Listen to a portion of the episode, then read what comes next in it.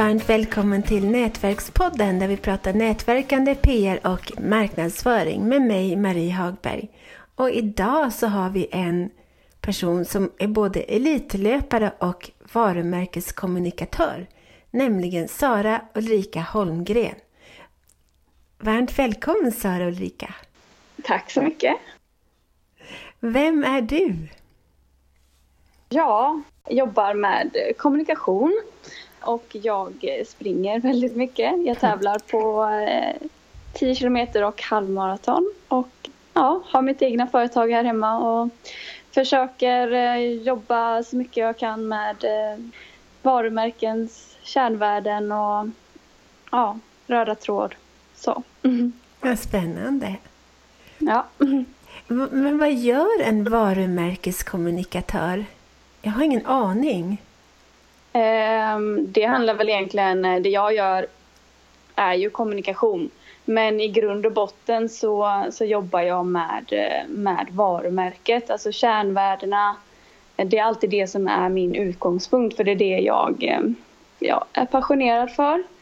Ehm, jag tycker att det är, är både roligt och viktigt att nå ut med, med de värderingar man har och stå för det och för att också få en tydligare kommunikation, en tydligare image och, och skapa någon sorts eh, eh, sammanhållning till, till liksom de man når ut till. Åh, vad svårt. Ja, men det, det är inte så svårt egentligen. Jag kanske krånglade till det, men det handlar om det är kommunikation på olika sätt. Men då jobbar jag med, med att skriva och det som jag gör med varumärken är ju egentligen strategi. Men, men att liksom all, att man börjar med kärnvärdena, var, varför, varför man finns, vad gör man och vad är syftet med, med sin kommunikation? Vad är det för budskap man vill nå ut? Som på Facebook, precis nu bara för en tio minuter sedan så skrev jag ett inlägg på Facebook om att jag känner mig hotad av min katt. Jag älskar att skriva sådana små saker. Vad är det du känner dig hotad för? Hon drar in, det är hemskt. Hon, för an, idag så drog hon in en död harunge, alltså huvudlös harunge och la på köksgolvet. Ja. Men, men jag tänker det kanske inte är så bra varumärkeskommunikation att skriva sådana idiotiska saker, men jag tycker det är så kul! ja, men där har du ju någonting. Det har du ju, alltså, liksom, det är ju visserligen kul och det är ju, det är ju lite tragikomiskt på något sätt. Men, eh, men det handlar väl, om man tänker generellt och i stort så blir det ju på något sätt att, eh, att jag tycker att det är ändå viktigt att liksom på något sätt ändå följa en röd tråd och, och, och, göra de aktiviteter som, som man faktiskt liksom som man tror på själv, alltså varumärkesmässigt. Eh, och som, för att allting på något sätt handlar ju om egna mål, att sätta dem, alla, alla företag och individer och varumärken har ju sina olika syften och, och, och mål och att följa en egen plan och inte titta på, på vad andra gör på något sätt. Men, eh, men på det sättet inte heller kanske avvika. För att då blir ju, om man nu pratar varumärken så blir det kanske lite luddigt. Mm. Eh, om man då kommunicerar någonting som inte alls stämmer överens om ja, varför man finns överhuvudtaget om man nu ska gå djupare in på det. Då. Så tänker jag. Ja, jag vet inte. En, att känna sig hotad av en katt kanske Det kanske är bra. För jag blandar hej vilt sådär att jag skriver ibland. Jag delar förstås alla avsnitt av Nätverkspodden på, ja. på min Facebook-sida. Och sen så delar jag lite då när katten har ställt till med en ofog kanske eller ja, lite, och lite, lite politisk är jag ibland och, och sådär. Men är det, är det bra eller dåligt då? Ska jag skippa mm. allt sånt som för jag tycker, att det, att jag tycker att det är roligt att skriva lite allt möjligt. No, men jag tänker om man, om man bara tänker i syfte att bygga sitt varumärke så ska man nog skippa de saker som inte stärker sitt eh, budskap. Men jag tycker det är fortfarande lika viktigt att visa på vem man är. Men eh, kanske inte i alla kanaler. Mm. Nej, på LinkedIn till exempel, där skriver jag så gott som aldrig något privat. Aldrig. Nej, för det stämmer ju. Det, det tror jag inte folk är lika intresserade av kanske. Nej. Um, för att där är det ju verkligen mer nätverk och, och ja, det känns ju som att när man söker efter människor, man, jag vet jag sökte, om jag, om jag har skrivit ett blogginlägg till exempel så och kontra mot att jag lägger ut någonting där jag söker efter hjälp eller någon person eller ja, behöver behöver någon hjälp i ett uppdrag eller vad det kan vara så, så är folk mycket mer liksom på när det handlar om jobb eller kunskap eller så. Ja, ja det, det är båda, båda är roliga att hänga på tycker jag. Ja, absolut. Mm. Men vad är nyttan då med en varumärkeskommunikatör? Mm. Jag tycker det är så svårt ord. ja, men man kan, kan, man behöver inte kalla sig, nu har jag valt att kalla mig det, men det är ju för att jag vill ändå för liksom förändra och verkligen jobba med hjärtat i varumärket.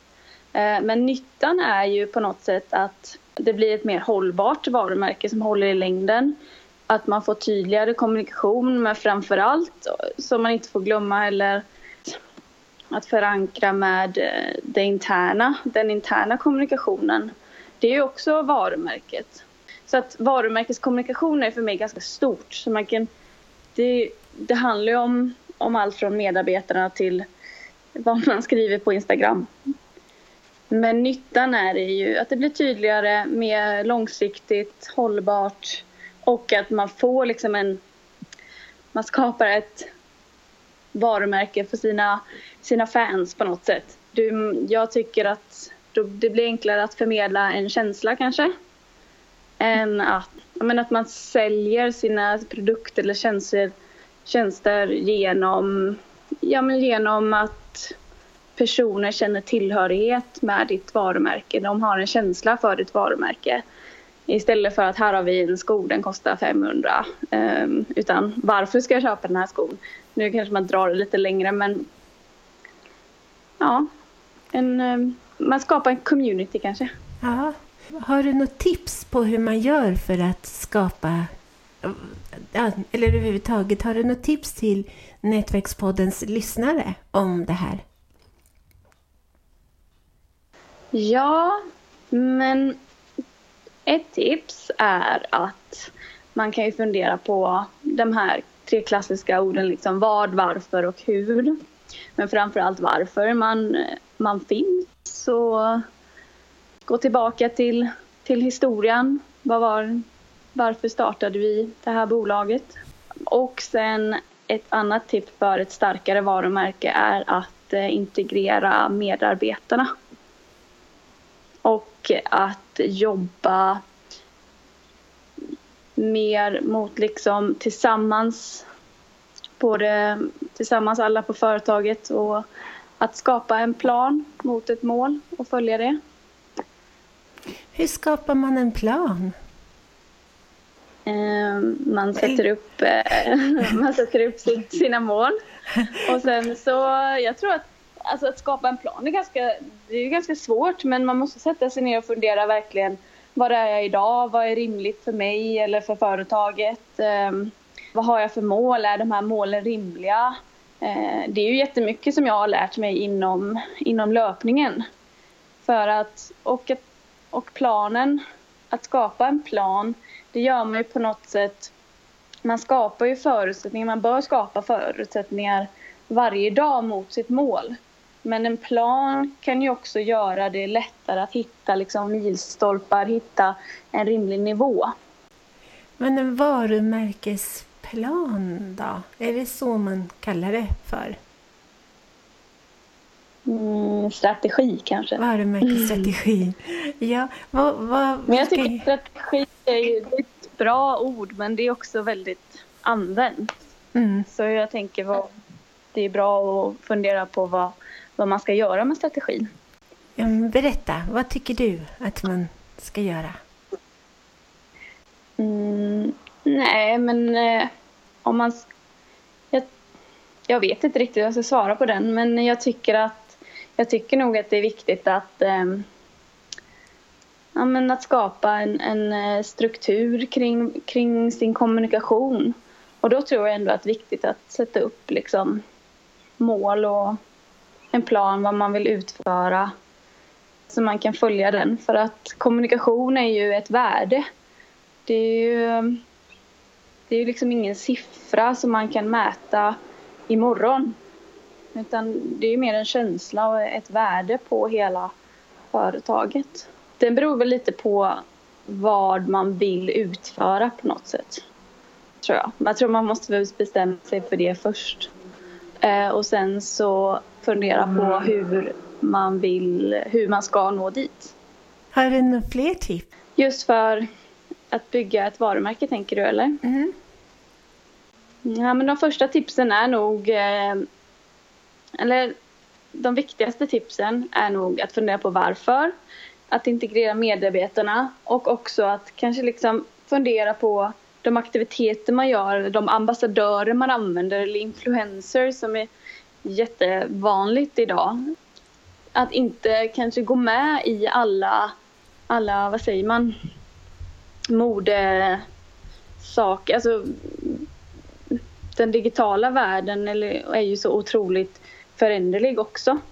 Och det är därför jag tycker att det är viktigt att hålla sig till sin plan för att nå sina mål. Att kanske inte bara kastas in i någon influencer som syns, som har 100 000 följare bara för att, utan fråga sig varför man ska göra det. För att det kanske får en att sälja, sälja en produkt mer vid ett tillfälle. Men det kanske nödvändigtvis inte stärker varumärket så mycket. Det, gör, det finns ju få influencers tycker jag som verkligen värnar om helheten på ett långsiktigt sätt. Mm. Så, ja, några, några tips i alla fall. Ja, jättebra. Ja, men stort tack Sara Ulrika för att du var med. Tack så mycket själv. Det här avsnittet presenterades av webbtjänsten Hjälp en journalist. Den är till för företagare som lättare vill få värdefull publicitet i radio, TV och tidningar samt journalister som lättare vill hitta intervjupersoner till sina artiklar, radio och TV-program. För mer information gå in på www.hjälpenjournalist.nu www.hjälpenjournalist.nu Förstås utan prickar på ät. Varmt välkommen!